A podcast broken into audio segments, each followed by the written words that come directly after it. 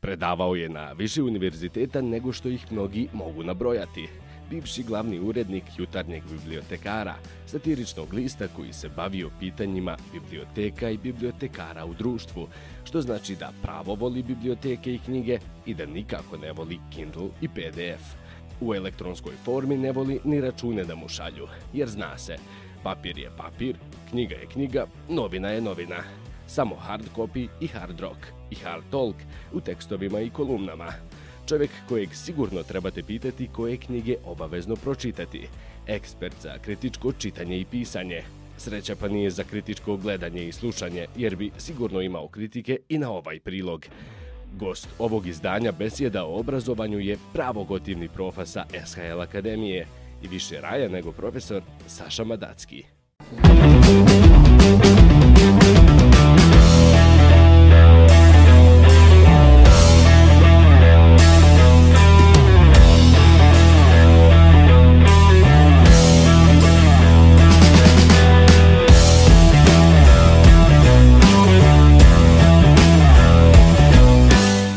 večer, dobro večer, još jedna beseda u nizu. Kolega Namir Ibrahimović. Dobro večer i dobro došli. I da, zaista kolega Namir Ibrahimović. Ovaj, a ja, ima i Nedin Krajišnik, izvinjavam se, kolega Nedin Krajišnik. Ljudi, mi smo postali najgledaniji podcast ikad na svijetu. O obrazovanju koji se emituje u Sarajevu. Jeste, najgledaniji. Profesore, kolika vam je ono čas da budete u besedi? Evo, mogu i skalu postaviti. Ili Da, o- o- Likertovo od 0 do 5 ili... Evo, otvoreno, nek bude otvorenog tipa. Mene su nagovorili da ovdje dođe. ne, ne, znam, hvala puno na pozivu, predivno, predivno. Hvala što se bavite obrazovanjem na ovakav način. Pa ne znam šta bi vam, ne znam kako da vam odgovorim na, na hvala što se bavimo obrazovanjem. Nije to baš zahvalno. Ni nešto za pohvalu. Pa zato i treba primiti zahvalu. Mama me stalno pita kad ću se početi baviti nekim ozbiljnim poslom i tako nešto. A, ne znam kako, evo, možda ovo da ste rođeni u Sarajevu je, je za neke ljude najvažnija referenca. Da krenemo. nam je gost večeras? Uvaženi Saša Madacki. Ne voli da ga se predstavlja ni kao profesor, ni kao bilo koja vrsta mm -hmm. titulara moći u nečemu oko nečega. Sarajevo, tu ste rođeni, to je važno. Diplomirali na Filozofskom fakultetu, na ocijeku opštu književnost i bibliotekarstvo. Kako vam stoji u diplomi? Diplomirani komparativist i diplomirani bibliotekar. Dvije u jednom ima, znaš, dobiješ dvije. Dugo ste bili pri, pri Univerzitetu u Sarajevu, onda ste pobjegli. Tačno 10.759 dana. O, Jeste to izračunali ili je Jesam. bilo na rješenju? E, ne, to je, to je od ulaska na univerzitet. Ja sam na univerzitet ušao kao mali, kao fizioterapeut na univerzitetski medicinski centar tada, mm -hmm. u februaru 92. i izašao kao šef službe za nastavu 1. septembra 2021. Ja čujem da je opšta panika na univerzitetu kako ste otišli. A ne bih to tako rekao, ne bih. ste skromni. Nisam, nisam. Univerzitet je zapravo, a, i hvala ti na tom pitanju, a, univerzitet je ogromna mašina. To je kolektiv sa 2700 uposlenih, a sa, sa vrlo ustrojenim službama, jel? tako da prosto jedan čovjek možeš nekom nedostajat, ovaj, ali da je, da je pomor nije. Čak što više, nova šefca službe je genijalna, Nina Dragičević, ovaj, maestralna jedna mlada djevojka, a redovno se čujemo, sarađujemo tako da ide univerzitet i dalje. Neće niko sve učilište. Ja vam žao. A, nije, a, nije iz prostog razloga što, a, dakle, ovo nije ni bijeg ni odlazak. Pazi, ovo je prosto, a, ja sam se čitav život volio igrati Lego kockicama i sad volim, ja. Ali cijelu karijeru sam pravio Lego kockice. Pa evo sad je vrijeme da se poigram s tim Lego kockicama, znaš, odlaskom u Schuler Helfer-Leben, dobam priliku da se bavim eksperimentalnim obrazovanjem, znaš, pa tako, pošto je, kako je Picasso bio akademski realista, jedan dio karijere, onda je poslije postao kubista, tako da se ja sad bavim kubizmom u obrazovanju. Ovaj. Tako da sad radim stvari koje su mi zaista zanimljive i možemo raditi brzo, efikasno, agilno, transformativno, tako da U biti sve ono što niste mogli na univerzitetu. Pa tako je, zato što univerzitetska nastava ima vrlo specif, specifičan Da. način, dakle, donošenje, implementacije, realizacije, tu eksperimentala, nažalost, na takav način gerile nije moguća, jer prosto jako puno je aktera, osiguranja kvaliteta, akreditacije, licence, članstvo u međunarodnim udruženjima i tako, dakle, to ogromni su aparati koji bi dozvoljavali prosto luksuz. Koji opet ne garantuju kvalitet. Tako je. Pozdrav za, za, za SHL, naše drugare iz, iz SHL-a. A, mi smo napravili transfer, Adnan, kod vas. Yes. Dobro, u stvari nije to transfer, Kako to je misliš jednostrani, transfer? Šta se, jednostrani. transfer. vlasnik su univerziteta, ja? Ne, ne. pa znaš kako... u Direktor Gor- univerziteta u U Sarajevu. Goraždu ćemo napraviti jedan, pošto već ima jedan univerzitet, mislim da je to premali grad za, za dva univerziteta. Jedan je sasvim dovoljan na 7000 ljudi. Potencijalni. Profesore, a, Saša, Druže, Saša. Druže, Saša. Hvala još jednom. Ajde da mi krenemo u ove oblasti koje smo, koje smo pripremili. I bilo nam je izazovno, iskreno, a radovali smo se poprilično. Evo, pokušavamo da se dogovorimo za, za ovu besedu godinu dana ovako ili onako. A, postavili smo ovako oblasti. Prva oblast bibliotekarstvo ili kako ubiti jednu takvu profesiju. A hvala ti na tom pitanju, i hvala i namjeru vjerujem da su ovo zajedno smisli. Ja, zapravo ja sam jedini forenzički bibliotekar u Bosni i Hercegovini, mm -hmm. koji čeka da se ovaj, da, umre ovo bibliotekarstvo, ali nikako, tako da ja ne mogu istragu finalnu dovršiti. Mm -hmm. A, bibliotekarstvo je jedna od najzačudnijih profesija, zapravo, koja svoju misiju nije mijenjala zadnjih 5000 godina, jel? Mislim, u principu, gdje se nešto nalazi, gdje nešto mogu naći osnovno pitanje, jel? I kako vrednovati tu informaciju, to je dakle zadnjih 5000 godina od Asrubani Palo biblioteke do danas to nije promijenjeno, mijenjamo samo formate, jel? Tako da smo nekad upravljali glininim pločicama, sad upravljamo znanjem, jel? Tako da je to zapravo a, neka, neka, neka divna, divna, divna profesija koja zapravo u javnosti se nekako doživljava kao slagači knjiga i čistači prašine, zašto su, vjerujem, dobrim dijelom i bibliotekari sami zaslužni koji, koji nemaju tu vrstu nametljivosti, nemaju tu vrstu prodornosti, odnosno neka ja sam neki mali iz kužine, pa ću negdje sa strane stajati, jel, dok neki veliki nešto rade. Mislim da su bibliotekari ključni faktori u društvu. Najbolji prikaz a, zašto to umire i na koji način umire je svjetski dan knjige. Tad su na dnevnici vijesti, portali puni onih absurdnih slika, nekih umnih ljudi ispred polica s knjigama, koje nisu uvijek nužno biblioteke. Pa onda natjerane djece u neki prostor da drže neke slikovnice, vidiš neka čak djeca i plaču dok to rade, jer su natjerane u taj prostor. Ja I mislim da tako- čitaju tužnu knjigu. Ili čitaju, čitaju tužnu knjigu, jeste traumu. Ježevu kućicu Branka Čopića za lektiru koja im je slobodno po izboru data i tako dalje. I sad, dakle, i, e, dakle, ja sam zato generalni borac, dakle, za ubijeđeni borac e, da se treba osnovati sedmica borbe protiv tjedna ili tjedan borbe protiv sedmice.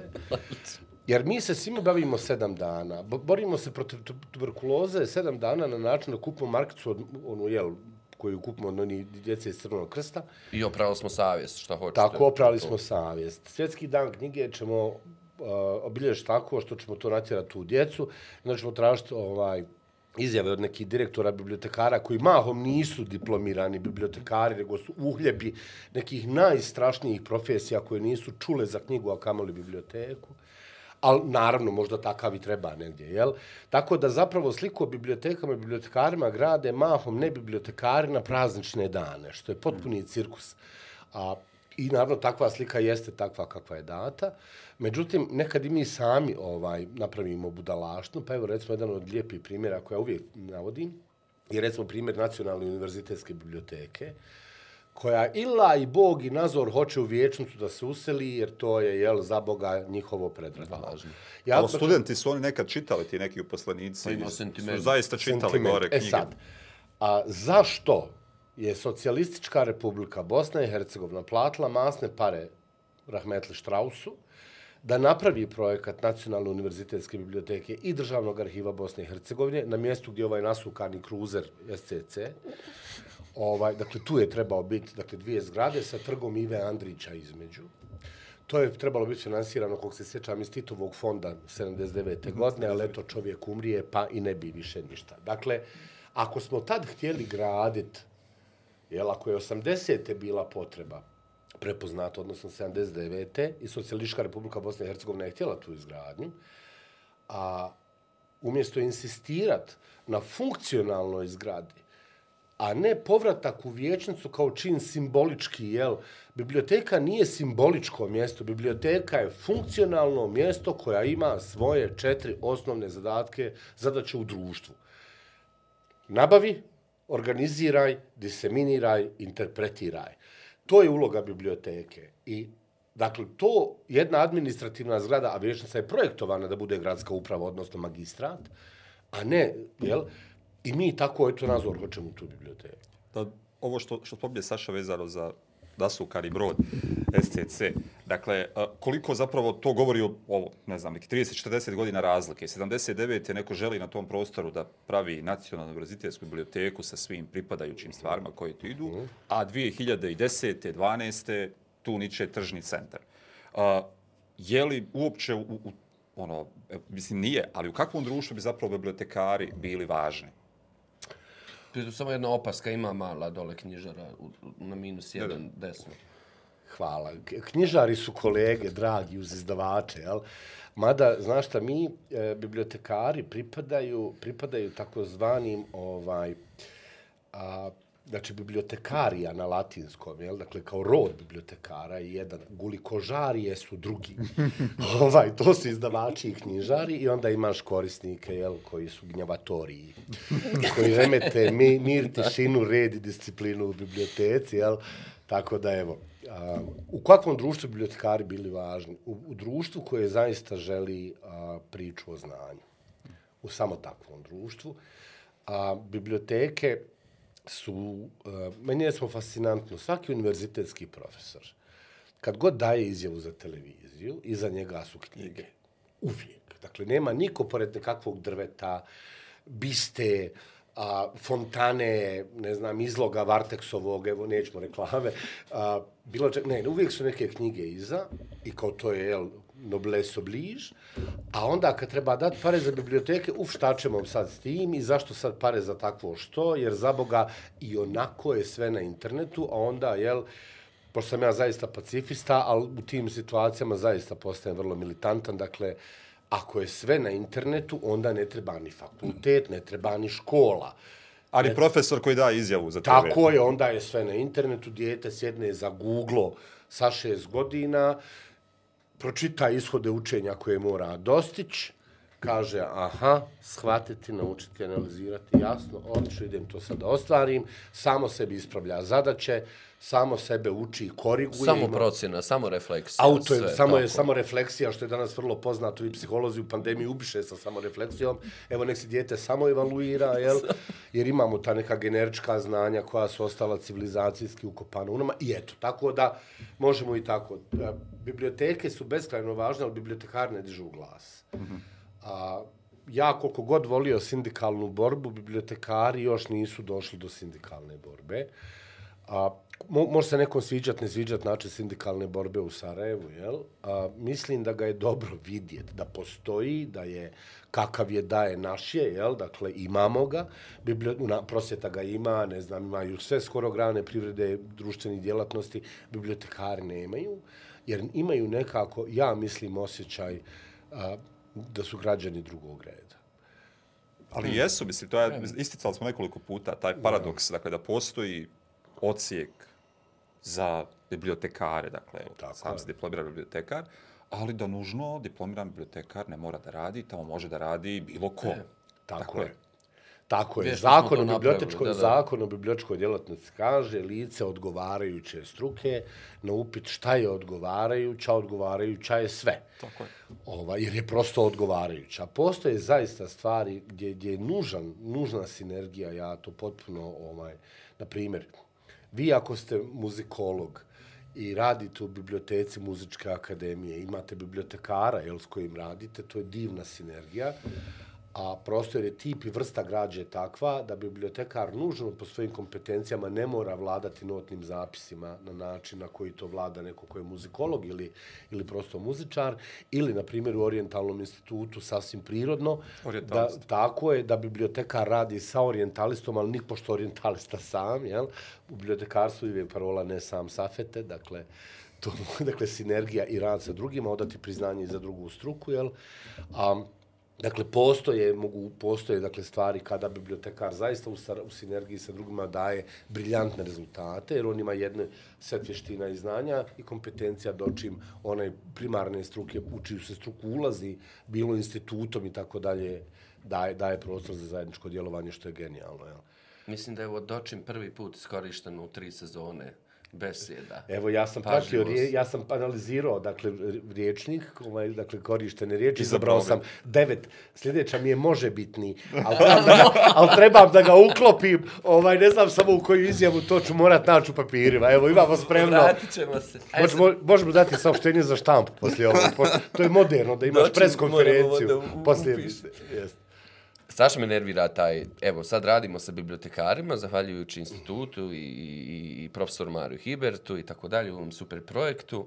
A, slušamo te bibliotekare, da očajni su, da usamljeni su, na granici su da potpuno i zauvijek odustanu. E sad, taj koncept Na problema... granici su od 1970. ovaj, to, je, to, je, to je status presence. Dakle, to je, to je nešto... To, to, dakle, u bibliotekarstvu ne postoji plus kvam perfekt i futur prvi. Postoji samo presence. A ima li ko da radikalno promišlja sad Ima. sam koncept uloge bibliotekara? Jer ne vidim, evo, ne mogu, ne mogu ni na kojem nivou, ni racionalnom, ni patetičnom, ni ovom, ni ovom, da, da, da, da razumijem put sad kako to popraviti. Jer je vezano za ogromne fenomene koje nisu samo do bibliotekara, uključujući validaciju znanja i...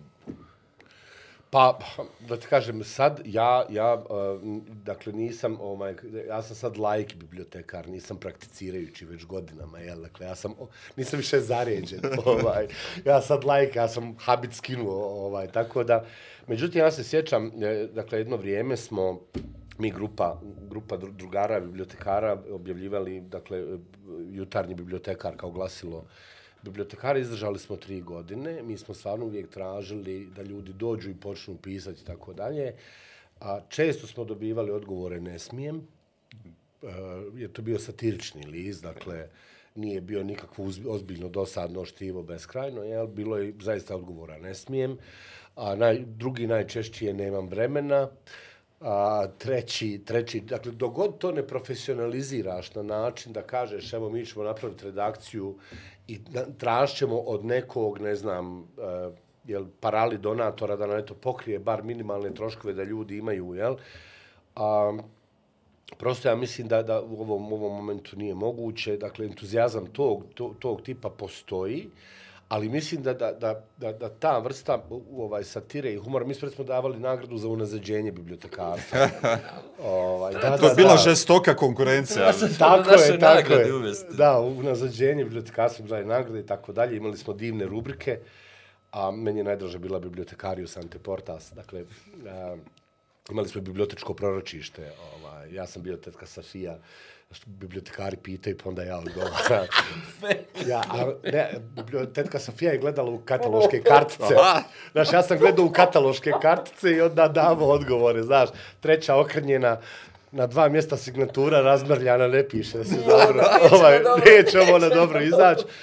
Tako da bilo je tu genijalni stari, ali evo, nažalost, a, i ja sam, dakle, u kontaktu sa, sa, sa bibliotekarima, šalno nastavno, ali nisam više prakticirajući zaista. A, stvar je, dakle, da mahom ljudi, koji, koji- dakle, osjećaju su usamljeno i prosto bi neko trebao ponovo da uloži neko vrijeme formiranja društva koje se raspalo, jer društvo bibliotekara koje nije aktivno, imali smo problema Društvo bibliotekara u Bosni, Bosne i Hercegovine postojalo je milion godina, ali onda kad je došlo do onih preregistracije, ne može biti Bosne i Hercegovine, nego u Bosni i Hercegovini, e tu je ko će, kad će, šta će, zašto će je Niko na kraju. i niko na kraju, tako da ništa. Ovaj, bilo je pokušaj osnivanja Društva bibliotekara federacije, Društva bibliotekara kantona, a to, to sve divni pokušaj, uradilo se čak nekih ovo, kongresa, jel? To čiji se četiri bibliotekara skupe bude kongres, ovaj, pa imamo neke sažetke radova, valjda to tako treba u svijetu. Međutim, meni nedostaje ovaj naš kon kongres, ovaj susreti bibliotekara slavista u Sarajevu, koji su bili susreti. A, nikad nismo težili izvrsnosti u znanstvenosti, nego smo rekli dođite ljudi da razgovaramo. A, teme su bile jako široko postavljene, onda smo razgovarali. A ono što je najbitnija stvar su bili side događaji, a to su trampe, jel? Dakle, ja, tebi, ti, meni, takozvana međubibliotečka pozajmica, izgradnja fonda, gdje je, recimo, evo čak zadnji podatak, ako ga smijem reći riječ u instituciji, e, Narcisa kolegica Puljak Bubrić iz Bošnjačkog instituta kaže da je preko, dakle, u toku kongresa, jel, a dobila negdje oko 3,5-4 hiljade inventarnih jedinica, naslova u bibliotecku je dobila razmjenu s drugim bibliotekama. Sad.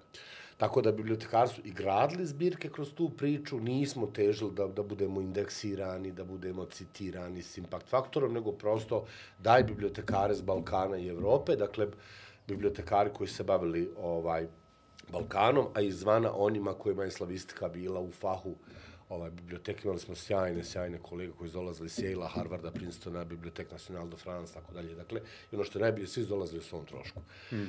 A, svi bibliotekari su je- 11 godina dolazili u svom trošku.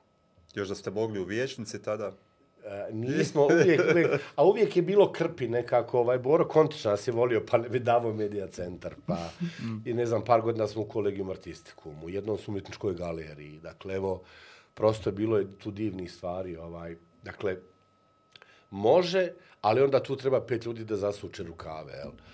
I prosto ja sam bio i, i bibliotekar, i pokretač, i aktivista dosta, dosta godina, onda prosto sam se počeo baviti drugim stvarima. Mislio sam da treba neko drugi sad malo. akademska zajednica, tada posao, mislim posao generalno sa, sa Pa, standardnim ovim. Da, da, da, onda ide redovni posao koji tvoj, i onda uđeš neki novi, ovaj, neku novu šemu, ali eto, to je, to je mm. zapravo priča. Bibliotekari su vrlo pasivni, ubijeni u pojam, oni su ipak u školama i građan drugog reda, to moramo da znamo. Školski bibliotekar. Da. Uljez. Uljezi a, na fakultetima, sad ne znam tačno kako ih gledaju, ja sam zadnjih deset godina sarađivao sa šefom studentskih službi i prodekanima za nastavu, jel? A mislim da i tu, da su tu utučeni u pojam. Prosto, prosto ne postoji trenutno a, organizovani oblik, jel? E sad, hoće li se javiti sad neki Batman koji će okupiti bibliotekare, ne znam. Pa sve da se okupe, to nije garant da, da, da će se stvari mijenjati. Pa država treba da zauzme politiku da su biblioteke važne. Dakle, to je, to je poenta. Ne, za, u, molim te, zašto bi se teta u Burekđenci borila za bolju tepsiju? Vlasnik Burekđence kaže, evo ti tepsija kakva treba. Država hoće društvo znanja, mi hoćemo mlade generacije, odliv mozgova, doliv, agda vako, agda nako, preliv, doliv, odliv. Djeca trebaju biblioteke i poštenu nastavu da bi bili Smislene akteri. biblioteke. Tako je, Smislene. tako U je. nadi, raduje nas, imamo u zajednici bibliotekara. Ne toliko ima. Ali ima ih. Imamo i kroz nagrade bibliotekare i bibliotekarke koje smo Mislim, na, nagrade za inovativne. nagra- Nastavnike. Nastavnike, da duše, saradnike. ajde, uzeli smo jedan pojam, ali, ali me raduje, ima, ima takvih ljudi. I baš se vidi, osjeti se. Ta, ta, tu je biblioteka centar svijeta, centar škole, u potpunosti. Jeste. Evo, sjetim se Sanje Primorac iz Petra Bakule, ako se, Jeste. ako se, ako se ne varam, to, to, je, to je centar, to vrvi od djece, to, to, je, to, je, to je mjesto gdje, gdje sve počinje, sve se završava. Sto Ako radi bibliotekar koji ima kvalifikaciju. Tako, ona ima. Ako imaš prekvalifikovanog bibliotekara, jel, dakle, ne, ne kažem overqualified, koji ima više kvalifikacija, nego dovelo ga iz neke struke, jer je, ja i tu razumijem. Biblioteke su postale skladište nastavnika koji su bez norme, nastavnika koji nemaju više, ne znam, marksizmi, odbrane zašte, ruski. Oni su čak, ja mislim, već i otišli polako, to se Pa penzionisalo. ne, nego govorim da je uvijek Da, bilo da. skladište, neko neki Sad nastavnika već- koji tako ne znaju šta će s njim, međutim, to je centralno mjesto učenja. To je kao Tako kad biste u operacionu salu stavili slijepog da operiše, eto nek da očeka penziju u operacionoj sali. Ja, ali taj operacijoj sale ne izdaje knjige. Tako je. Ovaj, samo izdaje knjige. ja, ja, ja, ovo jest. Po naredbi. Ovaj, pa mislim da mi mogu čak i odrezati to s nožem kako treba, ali možda ne bi znali ostalo, tako da... Pa da, i možda i ta zapravo priča u sednici borbe protiv tjedna treba objasniti. stvari, ko se čim- borbe protiv. Protiv Molim tjedna. vas da ga ovde najavimo i Može, proslavimo. može. I Moramo odrediti datum neki, jel? Uzet ćemo ovo kad je mjesec knjige. U aprilu, da. Evo ćemo sedmicu borbe protiv tjedna. Obećali smo namir ja sebi prije svega da ćemo proći konačno prvi put u životu sve oblasti. Sigurno ćemo 100%. Evo, obećavam. Dobro, onaj, skinuo si habit bibliotekara, otišao iz toga. Ali što pobježe iz ovih akademskih krugova? A, pa nije, nije, nije, nije bijeg. A, ne, zaista, zaista, to mi je bitno stvarno. Ovaj. Dakle, to je, to je zaista Bijeg pod navodnicima. prirodni, prirodni slijed. e, Da ja, pazim, meni je mnogo ljudi prolazilo u šoku. Jao, pa zašto, pa kako? Pa rekao, brate, evolucija.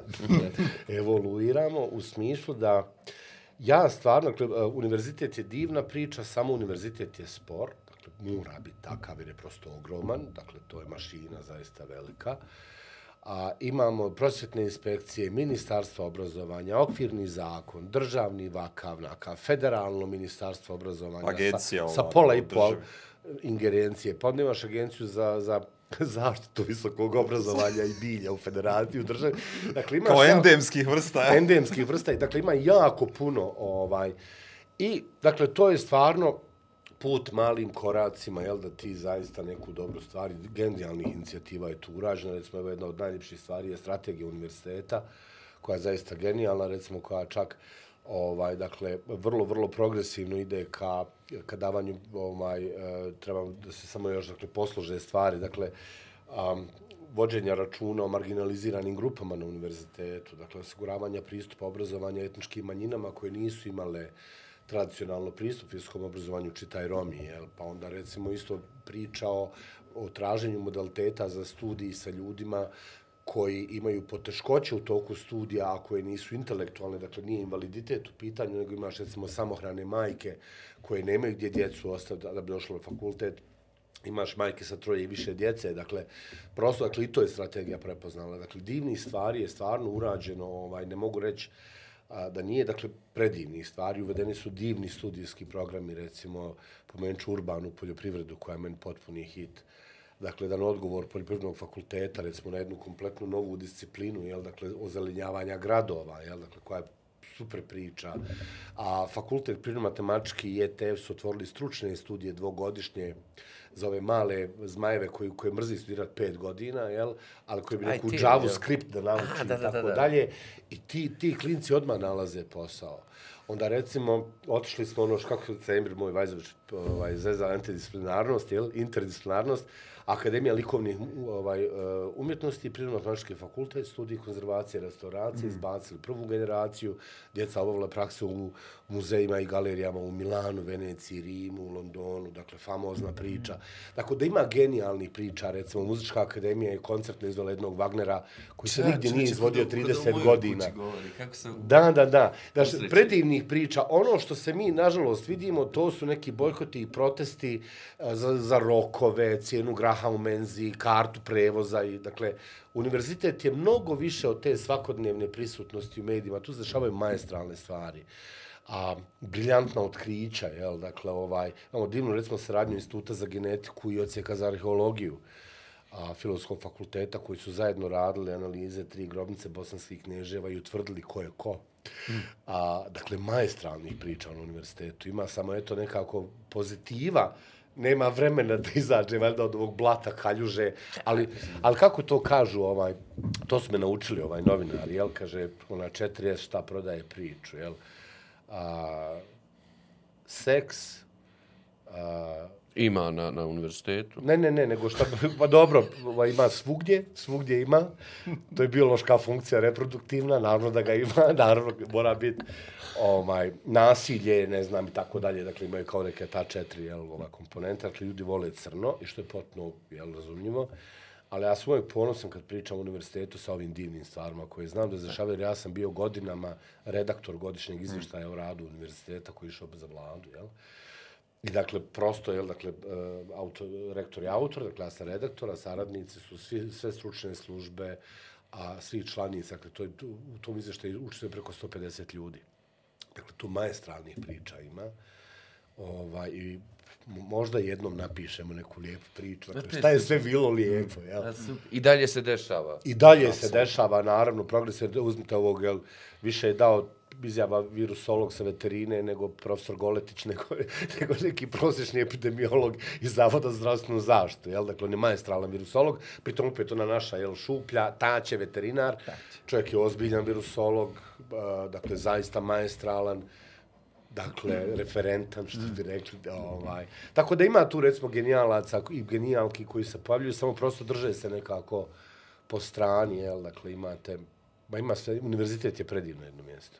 A sad kao student, neko ko je prošao to, Pa dobro sad. Ima. Ima i oblasti koje substancijalno škripe. Ima. Ajde, ajde iskreno da progovorimo Ajmo. o tome. Što?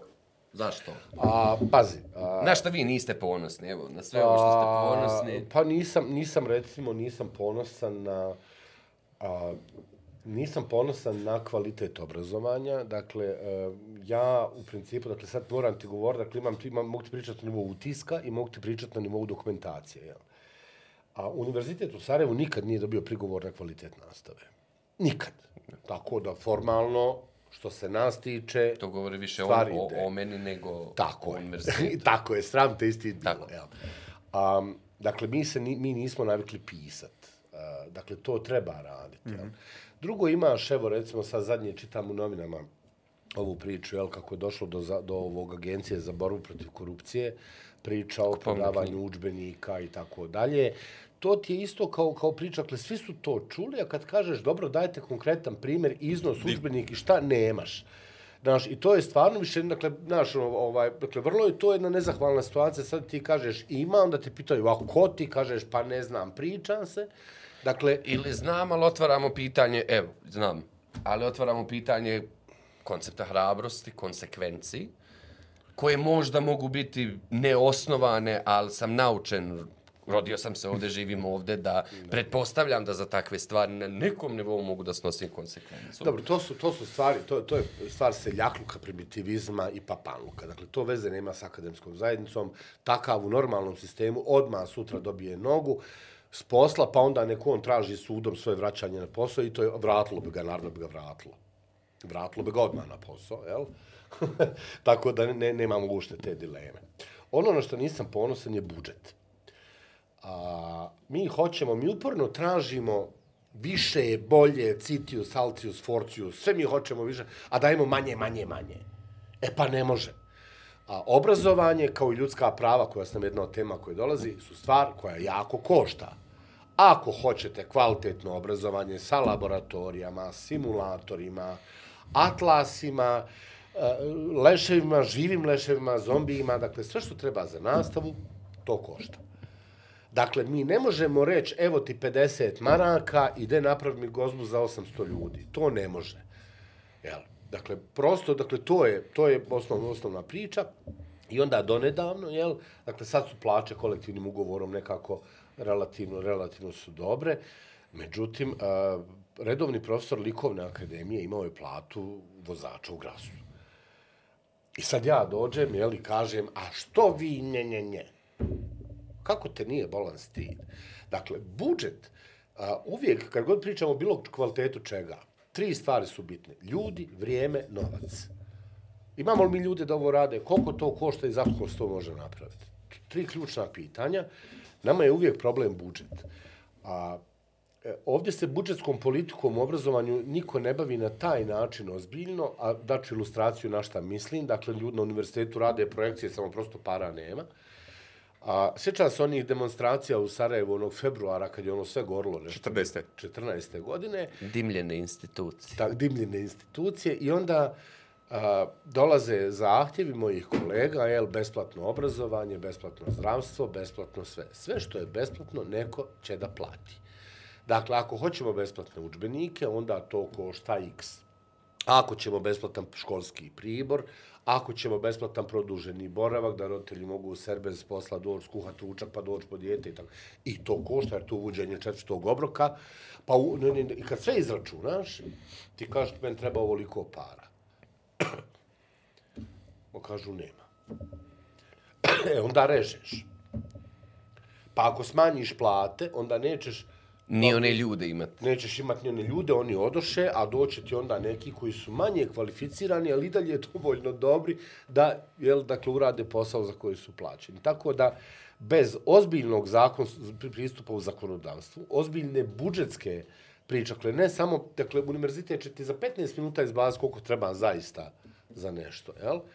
Ali pitanje je, dakle, da li smo mi zaista razgovarali o tome na koji način je to moguće i u šta mi stvarno trošimo te pare. Ja kad gledam, gledam skupštinu, vaza se nešto oko Fortnog džepa prevrče, u smislu, je li premijer iz svog granta dao nekom NGO-u nešto. Nikad, nemam, nikad, nikad ne vidim sliku budžeta, jel, kad ga skineš, onda je to neka ogromna tabelurna, to više zaboravi svoj svog dok to pročita, ali evo nisam te struke pa ne mogu ni govoriti.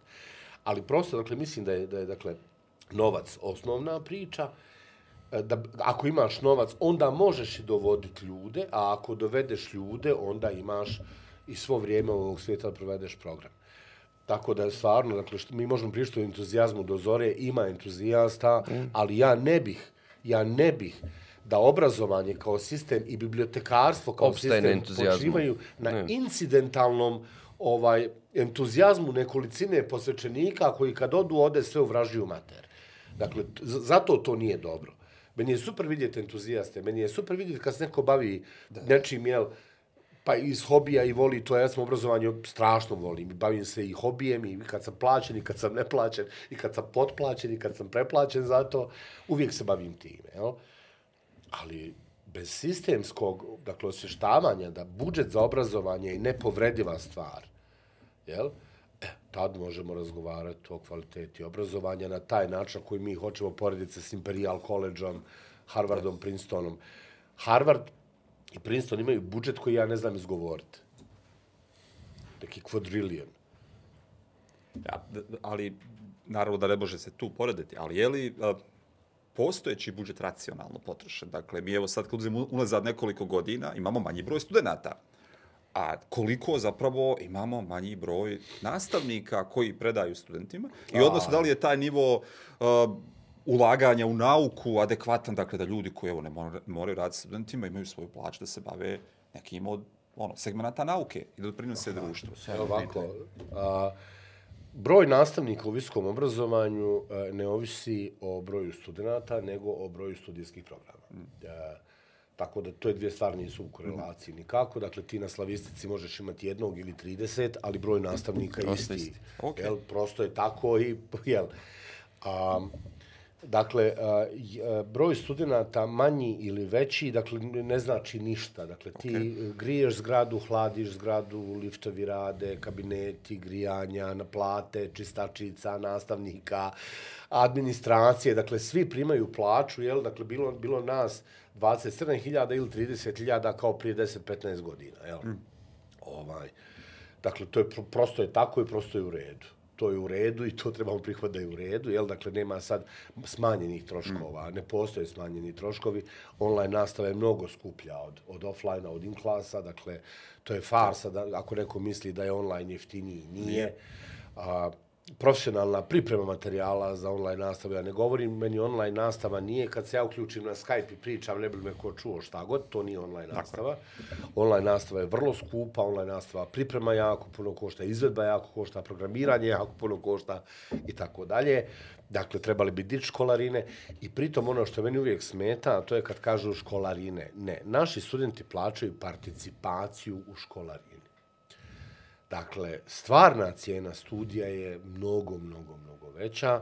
Tako da, na primjer, evo, a kako ćemo doći do nje? Pa vidiš, uzmeš 170 miliona koliko je budžet univerzitetu, podijeli sa 27.000 i to ti je prosječna cena koštanja svakog jednog studenta, svakog studenta svake godine. Mada su, naravno, potrebe drugačije. Na primjer, najskuplje su umjetnosti. Jer je, jel, zgrade velike, mali broj studenta, veliki broj ljub, nastavnika, kako i treba, i materijal, za kipare, skulptore, za ne znam i tako mm. dalje. Dakle, prosto prostor visokog obrazovanja je nezamislivo puno košta i treba da košta toliko, jel? Mm -hmm. Ovaj i mislim dakle sad racionalno iskorišten mi nemamo neke sad budžete da bi smo za istraživanje da bi mogli govoriti o racionalnoj mm. potrošnji. Okay.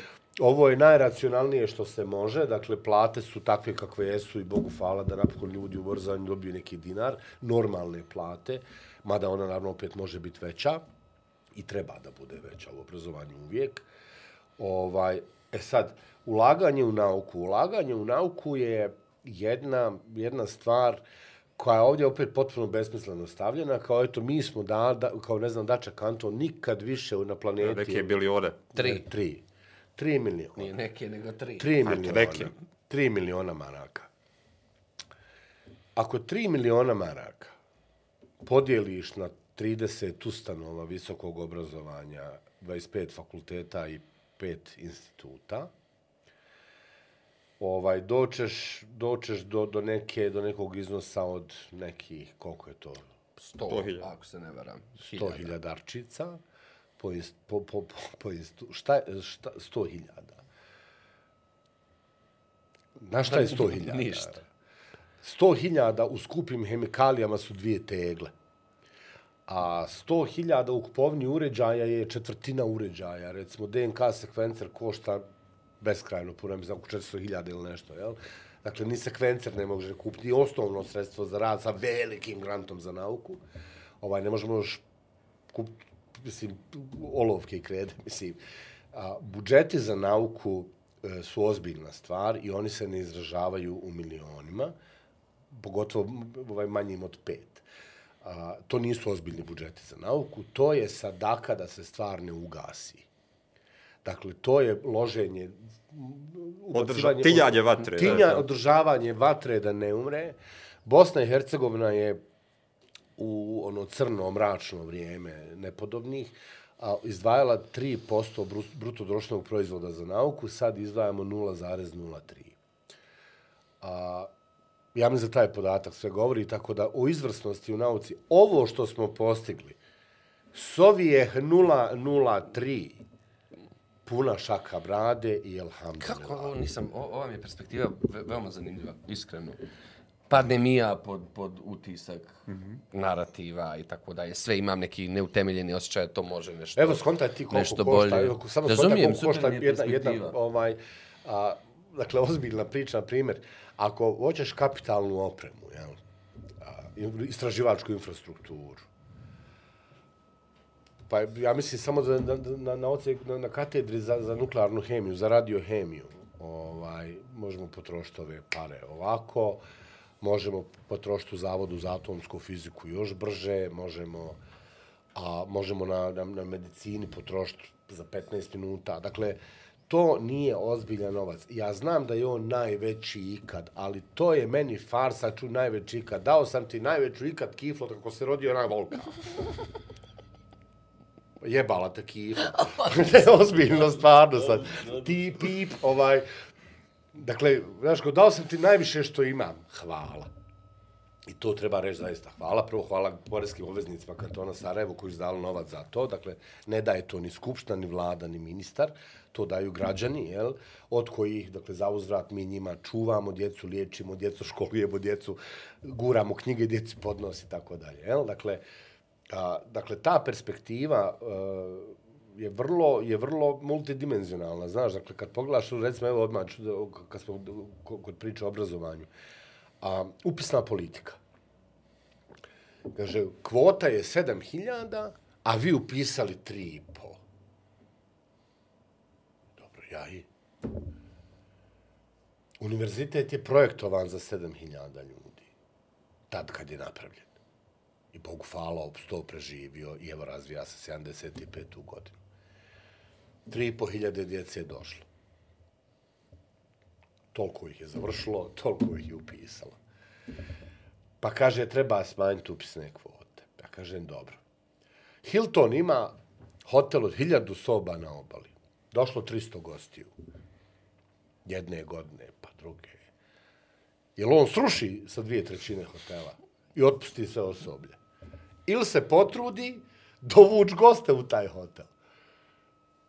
A to ulaganjem u obrazovanje, jel, mi postajemo Tako. i interesantni drugim tržištima, jel, kao što smo beskrajno zanimljivi, a, ružno je govoriti, ali najveći broj stranaca, mislim, ružno je govoriti ovog svako primjera Kseno, a nije Kseno, nego uzeli nam naša mjesta, a najveći broj stranih državljana je na umjetničkim akademijama. Jer ovdje je život mnogo povoljniji nego negdje drugo.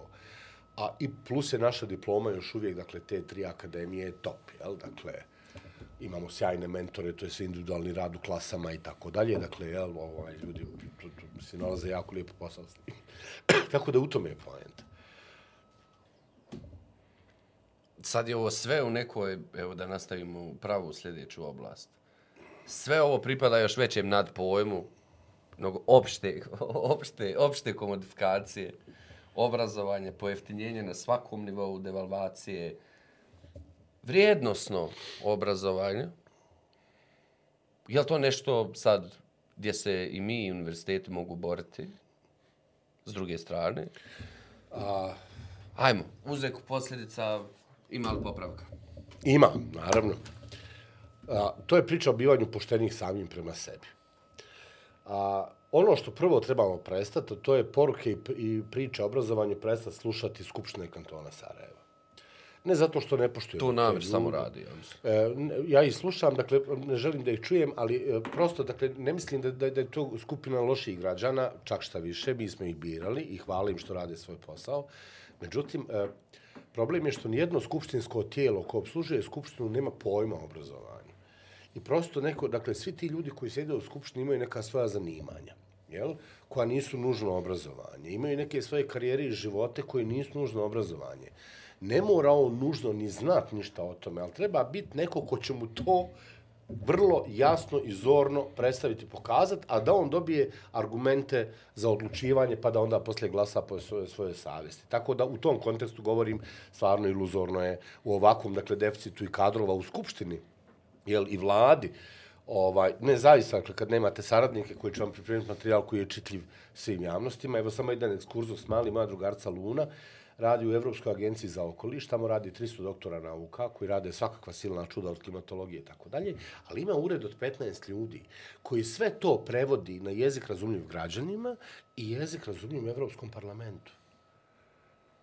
I onda da ljudi mogu glasat za stvari, a ne da mu se da dosije sa formulama, I to bi grafikonima. mogao da radi. Hm? To bi Step mogao da radi. Eto vidiš. Da, bravo, pa da prevodimo materijale i šaljemo onako, evo, Da. svima.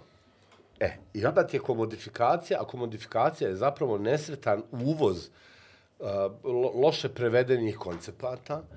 Um, na ovo se već odavno upozorava. Znaš, mi smo davno prošli ono vrijeme Humboldtovog obrazovanja ili Bildunga, jel? Kad je, kad je von Humboldt imao tu divnu ideju, a Dorno već upozorava, upozorava na halb Bildung, na poluobrazovanje, obrazovanje. jel, kao to kaže socijalna poluobrazovanost, jel? I evo zadnji dolazi Konrad Lisman sa teorijom neobrazovanosti. Jel? Dakle, i prosto dakle, on govori da ova bolonjizacija, ala bolonjez obrazovanje, po meni uopšte nije toliko ni kritično, jer kad bismo pročitali stvarno šta piše u bolonjskim dokumentima, a, meni je često sretalo po hodniku, kaže, jel ovo majke ti po bolonji? Pa rekao, ja ne tefsirim Bolonju na taj način, pa ja nisam tumač, razumiješ, nisam... Znaš, te, Još jedna riječ, ova nije dosta izgovorena, Nije. tefsir. Jeste, jeste. Ili, ili možemo skupa klanjati stihare pa da vidimo šta, to, to. šta piše u Bolonji. Jel? Ovaj, bolonski dokumenti su beskrajno divni, jednostavni i jasni. Mi, mi ih često trivializiramo pa kažemo nije moguć. Ovaj, usmeni ispit nije po Bolonji, to nigdje ne piše. Mora pismeni, nigdje to ne piše. Piše provjera znanja. E, nemojte nam dirat Bolonju, ona je mistična i služi da A povlači mora ostati kao, kao čarobnjak To, iz to, Zoza, to. jel, iza, dobro. Ovaj, e sad, u takvoj priči o obrazovanju, ovaj, mi već odustajemo od obrazovanja što je bildung i idemo u izobrazbu. Ovaj, što je nešto potpuno drugačije i nešto što ne bi smjelo da se dešava. Jel? Izobrazba je ono o čemu smo i htjeli kursizacija. Jel? Dakle, izobrazba je dakle, stvaranje fah majstora za nešto, da ti nešto uradi i to je to, a ne da misli o tome šta je uradio. Jel? Tako da, a, mi često, zato, zato je komodifikacija prisutna, zato što često pričamo o tržištu rada. Ja sam svaki put pitao, dobro, šta je tržište rada? I odmah da mi se odgovori na pitanje, da li Univerzitet Harvard školuje za područje opštine Boston? Jer uvijek kaže kantonalno tržište rada. Kakvo bola crno kantonalno tržište rada? 15 km kanton. A toliko tržišta u kantonu. A toliko tržišta u kantonu i sad mi se trebamo prilagoditi tržištima rada. I ne lezi vraže, stvarno ne bude nama mrsko. Sazovemo mi jedan veliki skup na, na, na univerzi. Ovaj, e, prije nego što je Džanana Husremović postala prorektoresa, bila je profesorca Aida Hođić. Čao Džanana, čao Aida. Ovaj, I hajde da se zgurdume svi ti poslodavci, privredne komore, Zgurdume. Ma ja da se ovaj da, da se saberu ne bili mi probesjedli o tome šta to mi ne školujemo o njima triba, ča bi tribalo pa da im damo ja, da, im- da im oškolujemo i da im pošljemo da to tako fercera. I bili su svi ti e, udruženje poslodavaca, bili privredna komora, bili, dakle sve to tako, jel, o, udruženje poslodavaca, zavodi za zapošljavanje, svi smo se mi skupili. Kaže, dobro, izveštaj zavoda je vrlo jasan. Nama trebaju konobari, šivači, va- zavarivači, ne, ne, ne, ne, ne, ne, deset profesija, krasno. Sve univerzitet se bavi tim. Tako je, imamo ocijek za sve. ovaj, dobro. Antidisciplinarni. ovo. Antidisciplinarni pristup. A znate, mi se baš time, eto, kao i ne bavimo, ja, ja, ja, jasno, jasno. Ali nama, a onda reče Čiku iz centra transa potpuno opravdano, nama vozača gori pod nogama. Nema. Dobro. E, sad, jel? I onda, a mi to sazvali taj skup, jeli, što bi rekli u malom isto, a časa ja bidna znala. sazvali lju, jude, jude sazvali. I ajde. I tako, probesjedili mi s njima i pogledamo mi stvarno izvještaje zavoda, kaže, e, najviše je na birovu pravnika i ekonomista. Peke. Ukinut Drugi podatak, najviše je traženih pravnika i ekonomista. Nešto je pogrešno. Nešto, ajde. Dobro. Treći podatak koji je zabrnuo sve nas, uh, u grupi ljudi sa visokom stručnom spremom, sedam- 60 ili, oprošite na procentu, jako visok su, su žene. Žene s fakultetom su najbrojnije nezaposlene. Mi moramo pod hitno saznati šta se dešava u toj, zašto se to dešava. Tako da imamo mi jako puno situacija koje možda čak i ne razumijemo. Sad, ja sumnjam da se sve udale za privatnike pa ne žele da rade. Dakle, šta je, dakle, koja je, šta se dešava u pozadini, zaista ne znamo, to je vrlo jedan frapantan podatak. Tako da, u principu, tržište rada, mislim, šta tržište rada, to je floskuletina najstrašnija i treba prilagoditi upis tržištu rada. To je kao da kažem, u ovoj vreći je šest paskala jabuka, razumiješ? Kakvo, ba- znaš, koji su to, To, pa te, to je stvarno kada kažeš šest paskala jabuka. Razumiješ, kao prilagoditi se potrebama tržišta rada u prilagoditi upisnu kvotu. Ali onda misli, kad, smo, kad god se govorilo o tržištu rada, dakle, barem u kantonu ili evo i BiH, najveći broj je nezaposlenih. Dakle, mi bismo trebali pripremati ljude da budu Studij za nezaposleni. Da, da, da. Da, dakle, Nezaposlenologiju. od, dakle, bit će naj, najbrojniji u datom E, nek trenutku. dođu kod nas na mirovne to, studije. To I je. drugi, ono, zadnje vrijeme, i to sam neki dan spominjao, je kad je počela ova pandemija i sad ono, javlja se ova glasnogovornica posao.ba, izvještaj za neki radio, koje su poslovi, najtraženije ono mjesto su ovi call, ovi za Call call operateri. Dakle, doslovno je ono kao najveći, i ovi raste broj ovako procentima, I to- to treba dvogodišnji 7% studij u odnosu, da. dakle, nečega, šta im treba za call centar, znanje njemačkog jezika, da mogu fino da razgovaraju ono sa nekim, da znaju ubijediti Ali taj, nekoga u prodaju i to je sve. Pazi, ja samo da dopunim ovo. Dakle, ovo je upisna politika koja, eto, mislim, pa evo, sreća pa ima u vlad neku normalna pa nam pusti upisnu politiku. A imaš još, dakle, imaš tu još frapantniji, dakle, stvar. nije to više samo upisna politika, razumiješ, nego, nego studijski programi, jel? Zašto mi upisujemo sve studijske programe kad je tih neki višak na tržištu? Dakle, ergo to implicira, dok svi ne pomru u filharmoniji, mi ćemo akademiju na stand-by staviti na pitanje šta je sa talentovanom djecom, dakle imamo civilizacijsku obavezu obrazovanja. Dakle, a, da li ja zaista trebam deset vrhunskih violinista uskratiti za obrazovanje i poslati ga da bude krompirolog, ovaj, zato što je nekom palo na pamet da treba prilagoditi nešto, dakle, ili za ustav studij latinskog, evo, treba 10 profesora, koliko, 20 godišnje, pa evo, koliko, koliko su ovi u prosjeku godina, mogu oni još jedno 20 zatvoriti Malo studij. vjerovatnoću primijeniti ako se neki drugi faktori Ja. umiješaju. Dakle, to su anticivilizacijske priče. Dakle, univerzitet, universitas studiorum, dakle, je mjesto na kojem se uči i stiče znanje, a nije mjesto za proizvodnju izobraženih kadrova za privredu. tako. Jer da je to tako, da mi hoćemo izobrazbu, objasni mi kako, kad je tvoja mama završila ekonomski fakultet? Moja Pošto je radila u računovodstvu. nije nikad završila fakultet. Aha. Pazili smo, imaš diplomiranog pravnika koji je završio 80. i pravnika koji je završio 21. Oni su učili definitivno različite zakonske okvire. Hoćemo mi otpustiti ove diplomirane pravnike? Otišli završili- ovi koji su 80 završili su u penziji. Dobro, 40 90. godina. 90. 90. A dobro, to znaš da si upravnik. kao, kao gledam godine kad Tačno dolaze. znam kad je ko Znaš, upošten. i sad je to pitanje, da li da otpuštamo ljude? Ne. Ti na, na fakultetu učiš principe i zakone i okvire primjene stvari i promišljaš modalitete kako to staviti u funkciju nečeg drugog. To je suština visokog obrazovanja, a ne da pravim fah majstora koji će, ne znam, sjesti i, i šit haljnu. A da pritom ne postoji ni jedna strategija, ni jedan dokument koji tako koketira sa obrazovanjem. Da li došao od neke, ove, šta god, skupštine, institucije i tako dalje. Iznenađujuće od ozbiljnih međunarodnih tijela, koji to uvijek akcentiraju kao, kao kad, kad tražite presjek BH obrazovanja, uvijek ćete naći nije usklađeno sa tržište rada od Vijeća Evrope, komisije, delegacije, ambasada i tako dalje. Usklađeno sa tržištem rada ima smisla na način da ako naš mašinski fakultet dođu ljudi sa Siemensa i kažu vi proizvodite inženjere, a on, mi voli da vaš inženjer nauče još ovo i ovo. To je sradnja s tržištem rada. I onda ovi naši kažu da, da, kako da ne, bravo. Što se i radi. Jel? Dakle, saradnja s tržištem i privredom postoji. Jel? Dakle, nastavni planovi se usklađuju sa novim, novim trendovima i tako dalje. To je potpuno normalno. Ali ja da zovem šalter u biro kod izrade upisne politike, kažem, bogat Safo, koliko hinje? Ono, kerepi broj. Ja kažem, Sutra- kratider, Zavrć pipu. zavrć kratider i pošalj Nikolički manje da nam Sutra, odobri. sutra objavljujemo ovaj konkurs. Ja, Ja, ja, ja, ne pa novinama- ja, jer mi da ovo prekrižim očas, ovo je vlada što ću upisati. Dakle, to je, to je, to je zaista bogohulno, to je hereza. Ovaj, I za tu vrstu hereze bi trebalo ozbiljno odgovarati, bar društveno odgovarati. Jel? O. Pa reći, vi niste sposobni da čitate papire. Dakle. Tržište rada se ne smije spominjati, jel to je nelijepa riječ, dakle, a, u kontekstu Sarajeva.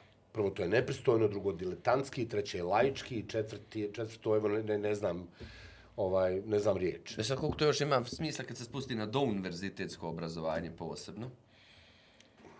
Bože moj. Kako samo mogu jedno ekstra pitanje? Mogu. Pa Ajde, izvoli. e, već si- Dualno obrazovanje. Dualno je genijalna priča. E, nemojte. Da, meni se dopada dualno obrazovanje. Šta vam se dopada kod dualnog obrazovanja? A, dualno obrazovanje u svom izvornom modelu predviđa, predviđa zapravo ono na što sam ja O, tanak, a to su- oportunističko, germansko... Ne, ne, ljudsko pravaško je u meni prevladalo. Kad se čita osnovni model, hoće biti primjenjen, Boga znaj. Dakle, on je namijenjen a, dakle, ljudima koji će raditi, dakle, i dalje stičeš bakaloreat ili master. Mm -hmm. Dakle, e, teorijski jedan semestar si u nastavi, jedan semestar si u praksi, a, s tim da to ne može početi od prvog semestra, moraš prvo nešto malo i naučiti. Prazna jel? glava, ne misli. Drugo je, a, tako je, a drugo je ti za svoj rad u, toj, u tom preduzećetu koje te primi na dualno, jel, primaš i nadoknadu za rad. Tako da je to divna stvar za ljude koji nemaju sredstva A da dualno uče. kod srednjeg obrazovanja?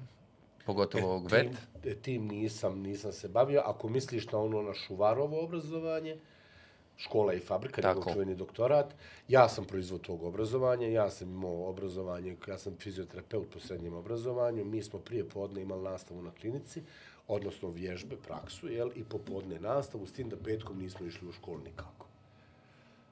Ja, jer mi je ovo važno. Opasan Za ovo je, je šuvar. opasan je, opa, ne, opasan je trend.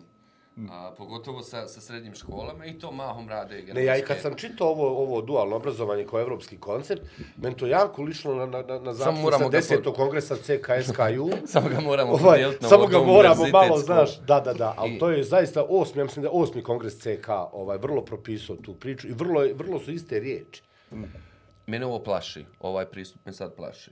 Pogotovo kad smo, evo, govorili smo o tržištu Pardon, rada. ne mogu svi studijski programi, i ne mogu svi vet programi. Dakle, Sad moje pitanje bilo namijenjeno za srednje stručne škole, ponajviše. Nisam čak ali evo, ovo moje je funkcionisalo, da- u medicinskoj školi je vrlo funkcionisalo tad.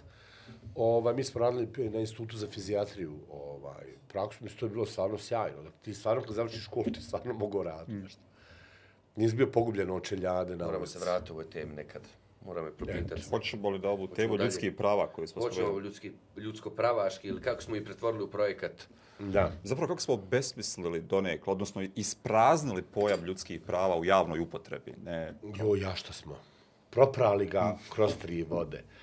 A stvar je, prvo, dakle, jel, kad stvar izblijedi, kad se zloupotrebljava.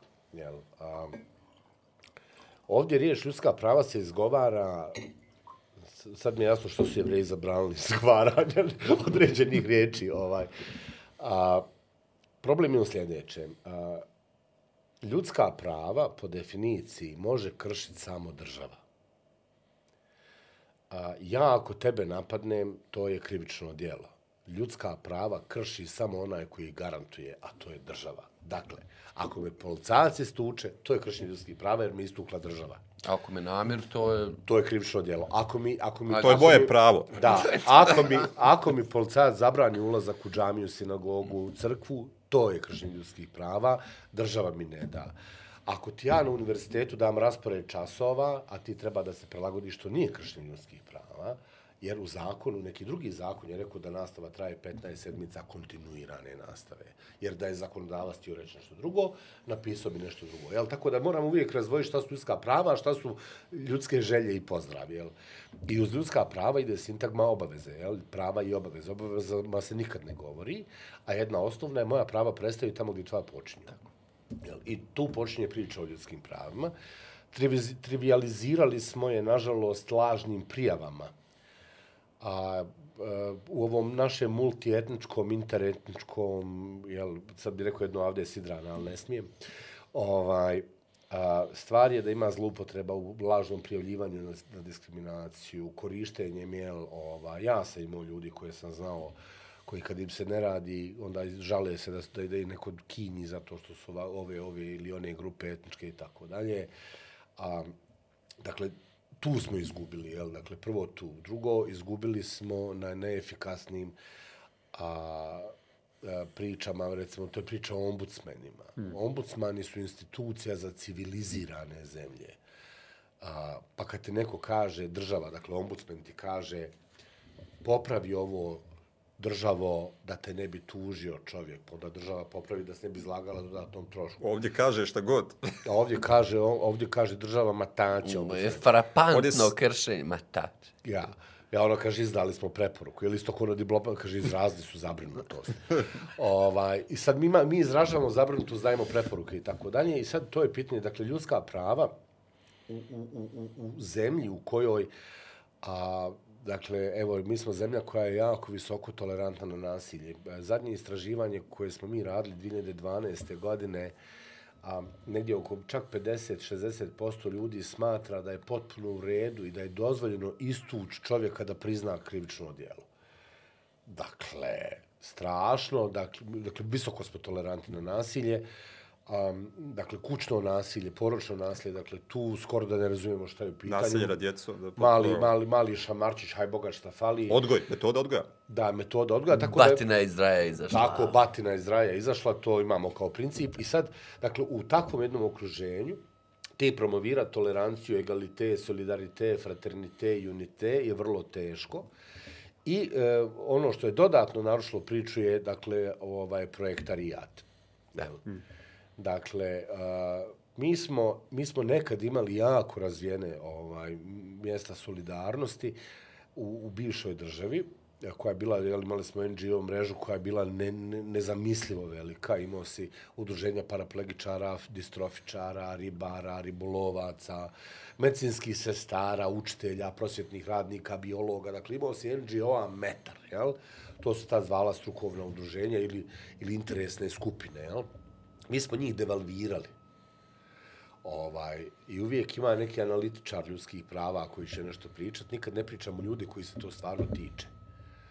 Ovaj, I to, to je recimo isto donekle obesmislilo ovaj, ljudska prava. Obesmisla je priča, a ja znam da je jedne godine UN lansirao kao Area for Projects, jel, kao ide, rodi klimatske promjene. Dakle, mal ne opsovah, dakle, a, rodi klimatske promjene, para, metara, imaš glad i najstrašnije u svijetu, pa i ovdje. A, imamo koje kakve inicijative, ovaj, ne znam, Save the African Children, a, ja mislim da imamo ovdje children koja nemaju baš da jedu svaki dan. Evo, završili smo istraživanje. Ovo, ne, nešto smo povukli starih podataka, nešto dobili no, novih. Um, govorimo o trećem djetetu na granici ekstremnog siromaštva. Svako treće. Da, pa ne, to je strašno, pogotovo još, još ovu čuvenu glad za vrijeme ljetnog raspusta, jel, dakle, kad roditelji možda nisu u prilici u školi, možda još nešto i pojede, jel? Neka užina, da. Tako. Tako da je to, dakle, prvo to je pitanje, dakle, i trivializacije, drugo pitanje ne, ne, ozbiljnog nečitanja stvari. A, dakle, naravno da međunarodni faktor koji takav, dakle, daje taj okvir i sad prosto stimulira neka ponašanje, neke ideje ili neke ne, ne postoje sistemski pristup. I ljudska prava su beskrajno skupa igračka. osiguravanje ljudskih prava beskrajno puno košta. A, obuka policajaca da je da nije u redu tuč ljude košta, jel? Mislim, vjerojatno njih neko za to i obrazuje. E, samo banaliziram, jel? A, obuka zdravstvenog, prosvjetnog i svakog drugog osoblja da mito i korupcija nisu u redu, ne zato što je to zlo i loše, što tebi neko donese na poklon bajaderu, možda odvaja iz usta svog djeteta za tu bajaderu da bi je tebi dao, zato je to loše. A ne što on hoće tebi da se zahvali, on jedan ima užasan dug, još je zahvalnost, jel? korupcijom, eliminacijom korupcije stvaraš pretpostavke za poštivanje ljudskih prava i garant. A, jel, i tako dalje. Da se izbaci korupcija iz, iz o, o, iz bosko-hercegovačkog društva, bil se ono raspalo? Blic pitanje. Ne bi. Ne bi, ma ovo se nikad neće raspasti. ne, ne, ne, ne, ovo je, ovo je jedan takav ludi spoj. Ovo, ovo se neće nikad raspasti. Negdje između Ne, ovo je, ovo je transformacija, fetša, strašna. Dakle, ovo može samo alotropski modificirati, znaš, iz, iz čumura u dijamant, iz dijamanta u čumur, retro. I tako, to je, dakle, može samo modifikacija, ali nećemo nikad propasti. I još jedno Borus pitanje, je li osjećaj konstitutivnosti pripadnika svakog naroda dio ljudskih prava. A nije zato što je riječ prosto pogrešno prevedena iz ustava. A, dakle, riječ je griješka u prevodu, jel? A, to Konstituent. Ja, da, to, to su constituents, dakle, to su oni koji čine. čine. Da, da, da. Sačinioci ili sadržioci, a ne konstitutivni. Mislim, ja mislim da riječ konstitutivan nije bila u riječniku, a mislim da je naš riječnik Haman pa gotov. Dobro, sačeka u baš tača kad je ušao u upotrebu, pa ga mora dokumentirati. Tako da je, da je to, to sa ovaj velikim narodima jel, koji žive u ovoj državi stvar pogrešnog prevoda i oni nemaju ništa veća i ništa manja prava od ostalih građana i građanki ove zemlje. A, I to su ljudska prava, dakle ne postoji jednaki građani od drugih. Ko u to vjeruje, Orwell, Tako je. Pa se čita životinska farma i to smo naučili da neke životinje su jednaki od drugih, pa su, pa su završile kako su završile. Jel? Tako da... Nije više se razlikovalo ko je svinja, ko je čovjek. Da, da, da, više se nije razlikovalo ko je svinja, ko je čovjek. E pa upravo zbog toga, jel? Tako da, a, to je priča o ljudskim pravima. Ljudska prava imaju svoju cijenu i, i ona, dakle, ako hoćemo zaista dati besplatno obrazovanje, pa i da srednje bude obavezno, a da bi ljudima omogućili neki, dakle, nemaju imovno stanje, jel, i tako dalje, mi moramo raditi jako puno na, na budžetu. Dakle, ljudska prava koštaju. Ljudska prava nije samo priča o pristojnosti, dobar dan komšija, i ja ljude ne gledam koje vjere i nacije su bili. Ne, ne, ne, to nije, to, to je besmisla, ovaj, be, be, to je ulična interpretacija ljudskih prava. Ljudska prava koštaju jako puno, njih garantuje država, I ona, u skladu sa preuzetim obavezama iz međunarodnih dokumenta, jadna se ba trga šta može da ispuni od toga što je preuzela na svoja pleća. Kroz budžet koji ima. Ti si ono, nekad ranije govorio, ja sam te vrlo često citirao, a ima veze i sa ovim našim narodima i sa pričama, zapravo stvar koju si ti rekao za naše standardne jezike. Dakle, da ako su ustavu i bosanski, i hrvatski, i srpski, obaveza svakog građanina u ovoj državi je da zna i jedan, i, i drugi, i, i treći. I da koristi dva pisma. Da a ne da ono, ja imam pravo na svom jeziku da sve ne, živo. Da... ne, tvoja ustavna obaveza je da govoriš tri jezika i da, pišeš da. dva pisma. To je ustavna obaveza. I bila bi i svakog stranca koji se da. koji počne da, da živi u ovoj zemlji i krene da komunicira sa sudovima, opštinama, policijama, prijave mjesta boravka, mora govoriti naš jezik u jednom momentu, jel? Kao građanin ostvaruješ prava na službenim jezicima u državi. Imaš tri. Kako misliš na mom? Ne može, Maco. Ne može. Ne, neustavno je. Protiv zakon, to je govor, dajem papir na mom jeziku i dajem prevodioca da ja razumijem. Pa ovo što štampamo na tri jezika i na, na ove službene listove, I, jest, jest. ovaj trošak šume i papira, štampanje ako oslobođenje prije rata, jedan list jednim pismom, drugi je drugi. Šta tako je problem? Je, tako je. Jezik jedan i drugi i treći. Pa jedna strana, piše, druga, treća, naravno, pa šta me briga? Tako je. Kolektori Jer moraš znat sva tri. Meni je ta faza u školu, meni je to baš bilo zabavno. I moja generacija to sva radi za ovo treba ozbiljan kognitivni kapacitet da spoznaš, razumiješ i tako dalje. Tu otvaramo koncept kritičkog mišljenja kao da. vištine, kao Ajde, ostaćemo na, odosmo na treći sat. Odosmo tako? daleko, dakle. Nema veze, evo da, da se vratimo na, na, na, na ovaj koncept kritičkog mišljenja, ili kako ubiti kritičko mišljenje. Čime smo ubili kritičko mišljenje u, u, u državi? I kako ga nikad više nećemo oživjeti. A kritičko mišljenje smo ubili kritičkim mišljenjem. evo, evo, vrlo Da, jednostavno. vrlo jasno, objasnio. dakle. Da, vrlo jednostavno. Priča dakle, pravo kritičko mišljenje. Ne. A, mi tražimo, sad, šta kaže prvo? Kritičko mišljenje per definiciju kaže, dakle, to je način mišljenja u kojem dijete, ovaj ona, jel, se izlaže određenim informacijama, stječući vještine razlikovanja istinitih i neistinitih i povezivanjem stvarajući novu sliku. Jel? To je kritičko mišljenje. E sad, mi to djetu kažemo u školi ili ohrabrimo mi malo djete da bude kritički mislilac i odjednom shvati da to u šta mama i tata vjeruju nije baš u redu, da to u šta prijatelji vjeruju ili ne vjeruju nije baš u redu. I onda nekako, znaš, i kako ćeš ti biti kritički mislilac kad dobiješ batine što kritički misliš? Kod nas pod kritičkim mišljenjem se nažalost smatra ovo kritičko mišljenje u okviru hemije, fizike, biologije, matematike, jezika i književnosti. Kritičko mišljenje nije vještina koju možeš ograničiti. Kritičko ili imaš ili nemaš, a onda je to problem. I kritičko mišljenje će se reanimirati onog momenta kada mi koji imamo djecu, jel, svojoj djeci, sad ovoj generaciji kažeš da misli, pa taman ja, ja znaš ti koliko puta stvar koju čujem od mog Luke progutam. I sam gledam kroz prozor ne želim da urliknem, da ne bi prestao pričat sa mnom, jer ako prestane pričat, gotovo, onda Ne. gubiš komunikaciju, jel? Dakle, i onda, onda razmišljam o tome kako njegova generacija neke stvari radi, živi, proživljava i tako dalje. Ja prosto ušutim. Pa onda, znaš, onda neka sačkam, pa onda ne, to malo iz okola, pa razumiješ, da ga ne zaustavim. Ako je slobodan, tek onda može biti kritički mislac. Ima uvjete da go Da, misli. a dok god mi nismo kritički mislioci pred mamom, tatom, bratom, sestrom, prijateljem i rodbinom, Nismo nigdje. Nismo nigdje. Tako da kritičko mišljenje će ubiti kritičko mišljenje na način jer ćeš vidjeti da je opasno, ćeš batine bolan ako tako misliš.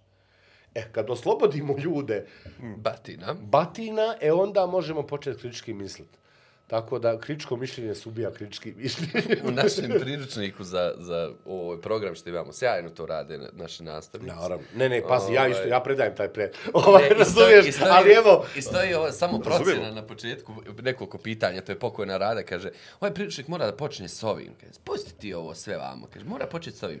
Jesi li ti spreman Dakle, o to kaže, da, da imaš slobo, da, da daješ, da osiguravaš slobodu u svom razredu, da saslušaš, da stvarno čuješ, tako dalje. Ako i na jedno od ovih pitanja kažeš ne, nemoj.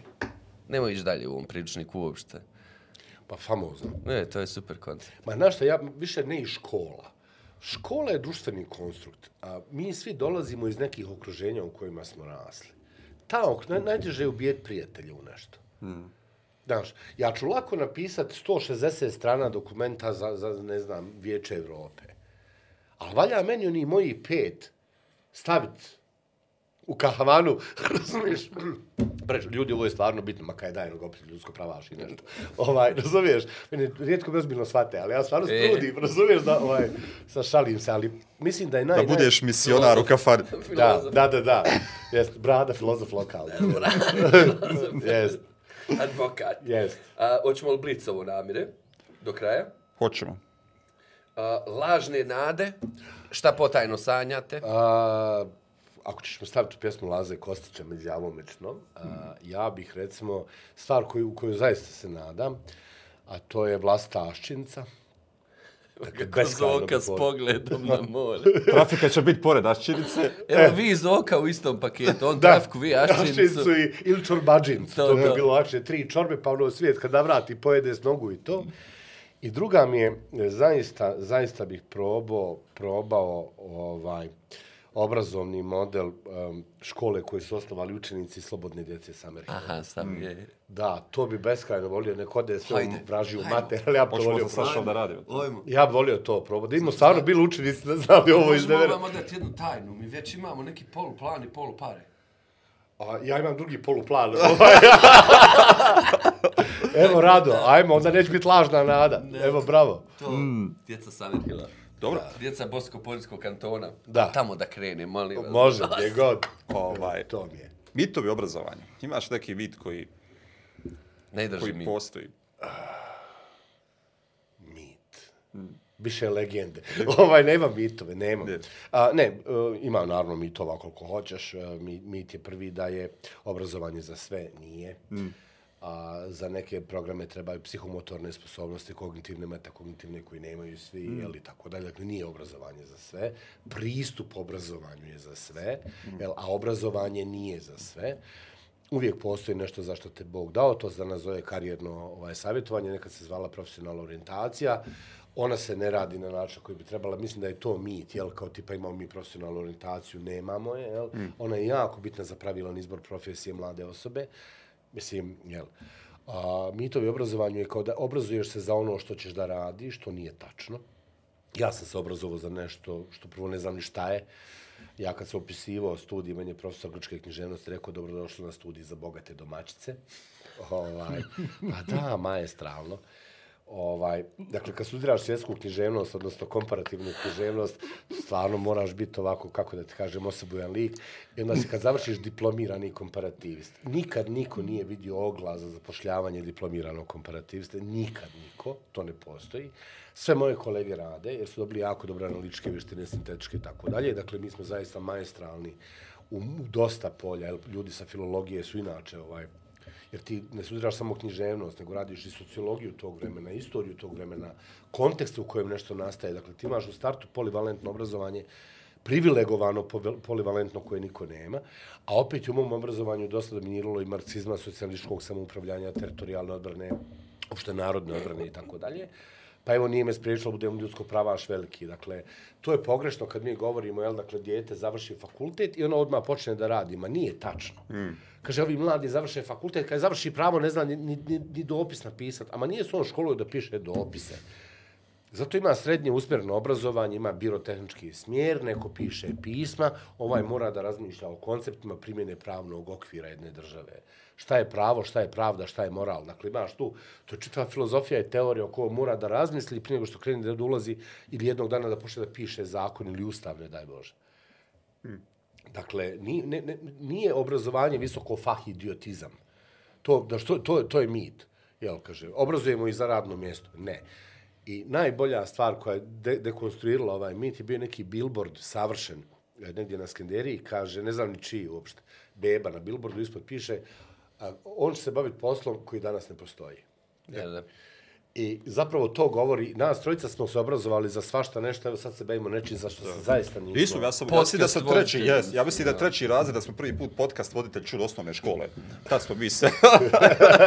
Podcasti su bili Jeste, i mi ja smo sam podcast kretali. 89. krenuo Kad pisat. smo, kad smo kod podcasta, molim vas, ko je ostao u ovom trećem satu, u ovom ponoćnog no, pro- programa, molim vas, obavezno Patreon, odite preplatite se, već je ono, pred kraj mjeseca, mora se imeru platiti ovo što radi, molim vas. Pretplatite se, kupite majicu, nešto. Sjetio se sad onako E, ba po ne, dok je Saša tu, možda i njemu naumpadne Dobro. nešto da kupi i podrži. Saša, onaj, evo, treća sezona besijeda, u trećoj sezoni jedina razlika odnosno na ove prethodne, što mi od gostiju tražimo obavezno da nam kažu šta da čitamo. Aha. Nedim ja, publika i ostale, evo, dvije knjige, može i više. A dvije obaveznog štiva Saše Madackog, Tako je. Konačar Nenada Veličkovića, dakle, to je najmajestralniji roman koji sam ja pročitao zadnjih 30 godina. Pročitao? To zbog profesora Vele, ili- Ja čitam trenutno koncerte za obovu. I ja isto to trenutno čitam, pa možemo, možemo kritiku. Jeste bili na promociji? Nisam stigao kuco izvještaj. Evo Ovaj, da se opravdamo, namir ja smo zapali u snijegu kod da, glasanja. ja, ali sam kupio Bajuku knjigu, dakle nisam ukrao. I nema tako, više knjiga, biblioteci. rasprodalo se. Rasprodalo se, Bogu Čoveče. hvala, pametno. Tako da to sad imam insajdersku informaciju, donosimo mi vrlo brzo iz ovaj dodatne knjige, tako da Odlično, bit će. Super. I druga knjiga koju bi volio da svako pročita, bar nekad kako imamo vremena, je ishodište pitanja od Predraga Fincija. A to je jedna maestralna studija o pitanju, znaš, kako pitanje može biti zvijezda vodilja, može biti ponor bez dana, znaš, prosto i usmjeravanje pitanja, maje utika. Tako da maestralno, maestralno, naš filozof, jel, štampana knjiga u Banja Luci, naš filozof, predratno izdanje. To su, recimo, neke dvije knjige, naravno, Slobodnu djecu Samerhila, svi da pročitaju e, školu koju su osnovali učenici to. I naravno dvije meni jako drage, ono tri zapravo za kraj. Tome sam posvetio dobar dio studija. A, to je a, roman Toka svijest, dakle uvijek tu preporučujem Faulknera, Virginiju Woolf ovaj, i Joyce-a, jel? malo je teže štivo, ali kad uđeš u tekst, dakle, te maestralne bravure jezika i, i, i gubljenja granice ovaj, jave, mm. sna, sadašnjosti, prošlosti, budućnosti, ovaj perspektiva su maestralne, tako da eto, to je neka moja kratka lista čitanja za ovu godinu. Hvala puno, Saša. Šti zadnje pitanje. Kako si, ali stvarno? Dobar ti. Saša, hvala puno. Hvala puno. Ljudi, par kratkih informacija servisnih. O, potez o, Vlasenica Zvornik nije prohodan, tražite alternativne. Kad smo kod ishodišta pitanja, tražite alternativne puteve, šalim se. A, sljedeća srijeda, 15. decembar, uživo idemo i imamo jedan kao mali spektakl štreberski ovdje. A, tako da, obavezno sljedeća srijeda, bit će iznenađenje. Čestitamo ispred beseda svim nastavnicima koji su nominovani za ovogodišnju nagradu za inovativne nastavnike. A, 21. decembar je svečana ceremonija u Boskom kulturnom centru u Sarajevu. Sjajan program spremamo da slavimo opet nastavničku profesiju. I pred kraj ove nove godine imamo novogodišnje izdanje, naravno, beseda u kojem ćemo se obući kao... Deda Mrazovi. Ja ću imati kapu na glavi tada. Eto. Za razliku od svih prethodnih. Saša, hvala vam do neba. Ovo Hvala je bio puno. prvi u nizu naših razgovora. Može tako? Može. Pošteno. Može biti stalni analitičar beseda. Razumiješ? Mogu, mogu se javljati s terena. Bibliotekar, analitičar. Bibliotečki analičar, forenzičar. Forenzički bibliotekar, može, evo. Ali može. da konačno oživimo tu diplomu i komparativni, i to ćemo... Ovaj, može. E, Komparirat ćete nešto. Svakom. Može. može. Evo, komparativni forenzički analičar, evo. Ćao. Ćao, čao, čao, hvala.